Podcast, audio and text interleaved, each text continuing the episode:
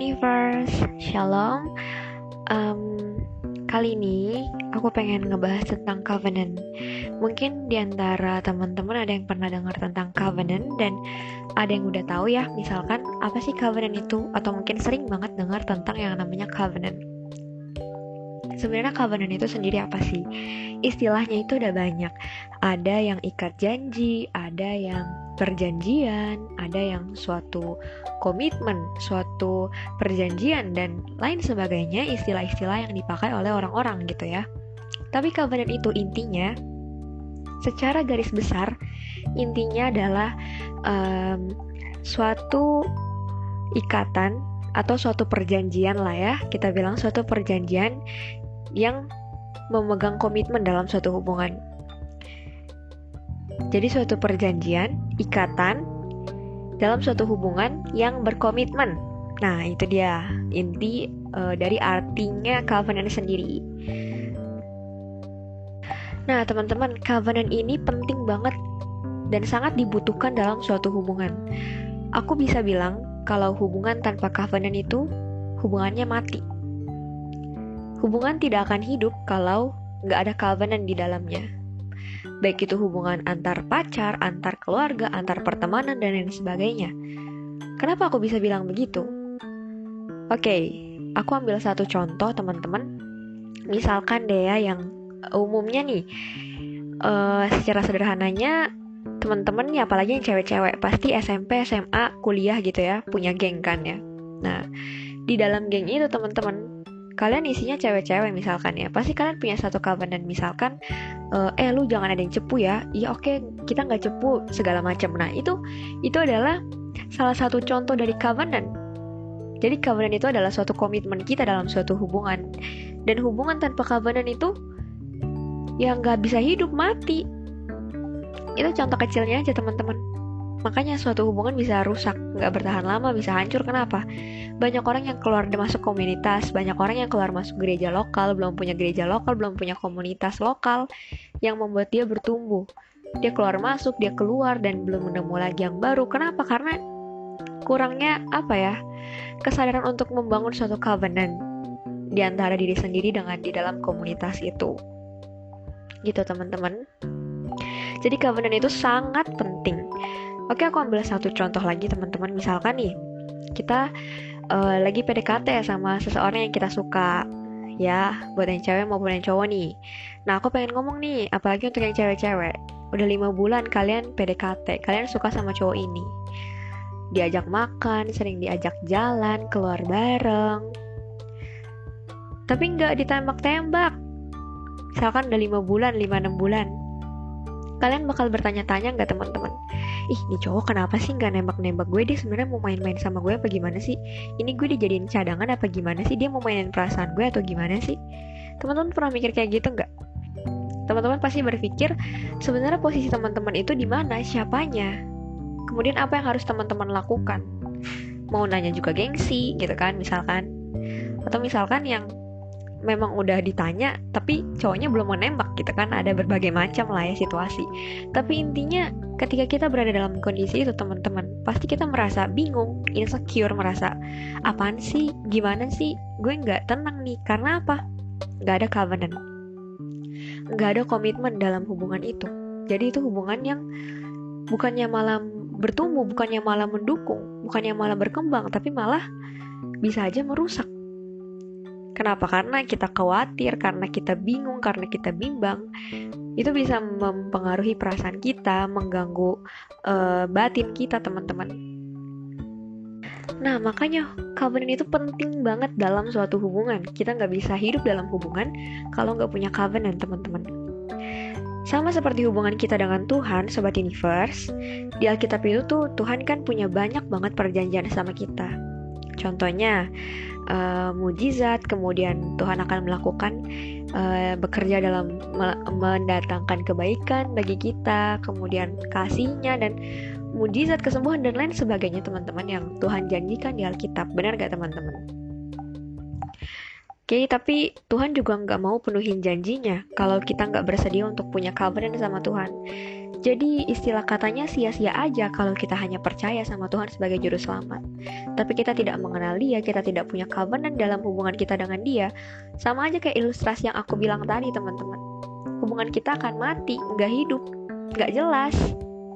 Jadi nggak akan ada suatu ikatan atau perjanjian gimana Tuhan mau kasih ke kamu, apa yang kamu butuh, eh, apa yang kamu mau, berkat yang kamu inginkan gitu kan, perjanjian Tuhan di Alkitab terhadap kita gitu. Nah, oke. Okay. Sekarang aku tanya teman-teman. Kita semua mau kan ya dapat berkatnya Tuhan, dapat mujizatnya Tuhan dan uh, dapat semua hal-hal baik dari Tuhan lah. Tapi Tuhan bilang gini, terkutuklah orang-orang yang mengandalkan kekuatannya sendiri, pengetahuannya sendiri, yang tidak mau berhubungan dekat dengan Tuhan, tidak mau mengikuti kehendak Tuhan. Tapi ya begitulah manusia maunya yang enak-enak, maunya berkat, maunya di uh, hidupnya damai, sejahtera, tentram, selalu mendapatkan kayak lucky lah ya, kayak keberuntungan jackpot gitu. Oke, okay, sekarang aku tanya lagi. Uh, ini adalah ilustrasi lainnya, teman-teman masih berhubungan nih. Misalkan aku tanya gini, teman-teman digantung nih sama pasangan kalian yang masih PDKT cowok yang tadi lah ya yang kita bilang atau misalkan cewek lah cewek kan juga bisa ngegantung ya atau bisa ngeghosting malah kan tiba-tiba ngilang. Udah lima bulan enam bulan. PDKT tapi nggak jadi-jadi. Jalan iya jadian kagak gitu kan kalau kata orang. Nggak ada kepastian nggak ada covenant. Kemudian tiba-tiba di hari ulang tahun si cowok atau si cewek itulah ya pasangan kalian nih yang kalian lagi PDKT udah lama di hari ulang tahunnya dia minta mobil eh jangan mobil deh. Terlalu mewah dan mahal ya. Um, apa ya misalnya handphone deh handphone atau kamera gitu ya. Atau barang-barang teknologi lah. Kalau cowok kan biasanya sukanya gitu ya. Atau sesuai dengan hobinya. Misalkan sports ya sports gitu. Nah kira-kira teman-teman bakal ngasih gak tuh kalau dia misalkan minta kamera atau minta handphone? Atau bakal ngedumel dulu? Atau bakal tarik nafas panjang dan nanya sebenarnya hubungan kita apa sih Asik, nah kan Pasti kita jadi kesel, kita jadi bingung kan Lah ini orang udah ngegantungin gue selama 5-6 bulan Eh, ulang tahun dia malah minta kado sama gue Kira-kira kalau teman-teman di posisi itu kalian bakal ngasih nggak teman-teman? Kalian bakal ngasih yang dia pengen nggak? Kalian bakal ngasih yang dia minta nggak? Di luar dari hubungan kalian yang ada covenant Aku pikir ya kebanyakan teman-teman akan jawab no gue nggak akan kasih. Karena aku juga begitu. Ya ngapain gue ngasih? Gue dapat apa? Maksudnya uh, bukan gue dapat apa ya egois banget kalau aku ngomong kayak gitu.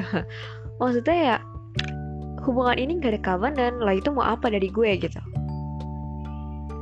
Lo itu mau mempermainkan gue atau gimana? Hubungan kita tuh belum jelas loh gitu. Kecuali kalau memang ada alasan-alasan yang uh, mendukung gitu ya. Misalkan ada suatu target minimal yang harus dicapai oleh pasangan kita atau ketentuan kriteria oleh orang tuanya dan lain sebagainya. Itu kan jelas ya teman-teman. Intinya di mana kenapa kita nggak bisa membangun suatu covenant membangun suatu hubungan? Kenapa?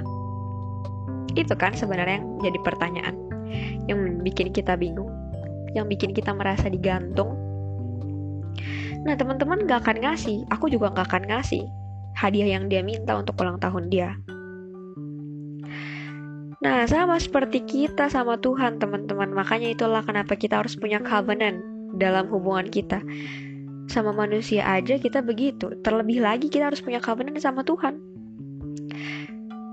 Kalau sama manusia aja kita bisa kesal kalau kita nggak punya suatu covenant, apalagi sama Tuhan. Apa janjinya bakal ditepatin Tuhan dalam hidup kita kalau kita nggak sanggup membuat diri kita untuk mau membangun suatu covenant atau suatu komitmen janji sama Tuhan.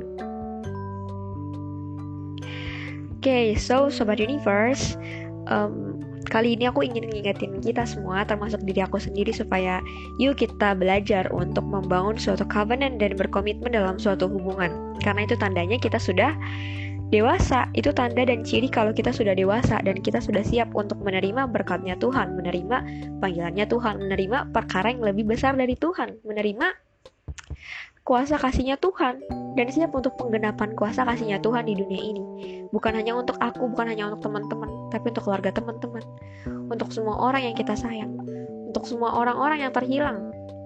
Kita bisa menjadi berkat. Makanya teman-teman kuncinya bangun covenant itu dalam suatu hubungan.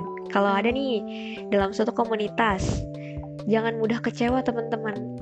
Komunitas itu isinya banyak orang, nggak cuman kita, nggak cuman aku dan kamu, tapi kita gitu maksudnya. Yang mungkin berbeda latar belakang, berbeda suku, berbeda sekolahnya beda di mana di mana, kemudian masa lalunya beda-beda seperti apa, pemikirannya sudah pasti beda, jadi namanya perbedaan pendapat itu pasti ada, pergesekan itu pasti ada.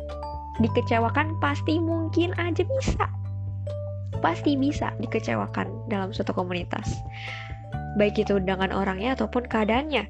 Tapi bagaimana kita mengingat kembali covenant yang kita punya, ikatan yang kita punya dari awal. Sebenarnya bagaimana ya kita dan hubungan itu dan hubungan itu dengan kita. Makanya suatu hubungan harus punya covenant. Oke teman-teman, thank you yang udah dengan podcast aku. Aku berharap banget teman-teman bisa terus kita bertumbuh bareng ya teman-teman dan aku pengen teman-teman untuk bantu sharing kalau memang merasa podcast aku ini memberkati teman-teman, yuk kita bagikan podcast ini Unity in Christ supaya lebih banyak lagi Sobat Universe yang dapat dimenangkan. Jiwa-jiwa baru yang dapat dimenangkan maupun jiwa-jiwa yang sudah dimenangkan dan ingin bertumbuh bersama nggak ada salahnya untuk share teman-teman. Aku nggak minta uang aku nggak minta. Yang aneh-aneh aku cuma ingin kita semua mau menjadi murid-muridnya Kristus yang uh, mengikuti kehendaknya. Pergilah jadikanlah semua murid bangsaku dan baptislah mereka di dalam nama Bapa dan Roh Kudus dan Anak Semoga misi dan visi kita, teman-teman semua dapat menjadi berkat bagi banyak orang mulai hari ini sampai seterusnya. Thank you teman-teman yang udah ngedengerin. Thank you juga untuk teman-teman yang tetap setia dan mau bertumbuh sama aku bersama-sama ke arah Kristus. God bless you.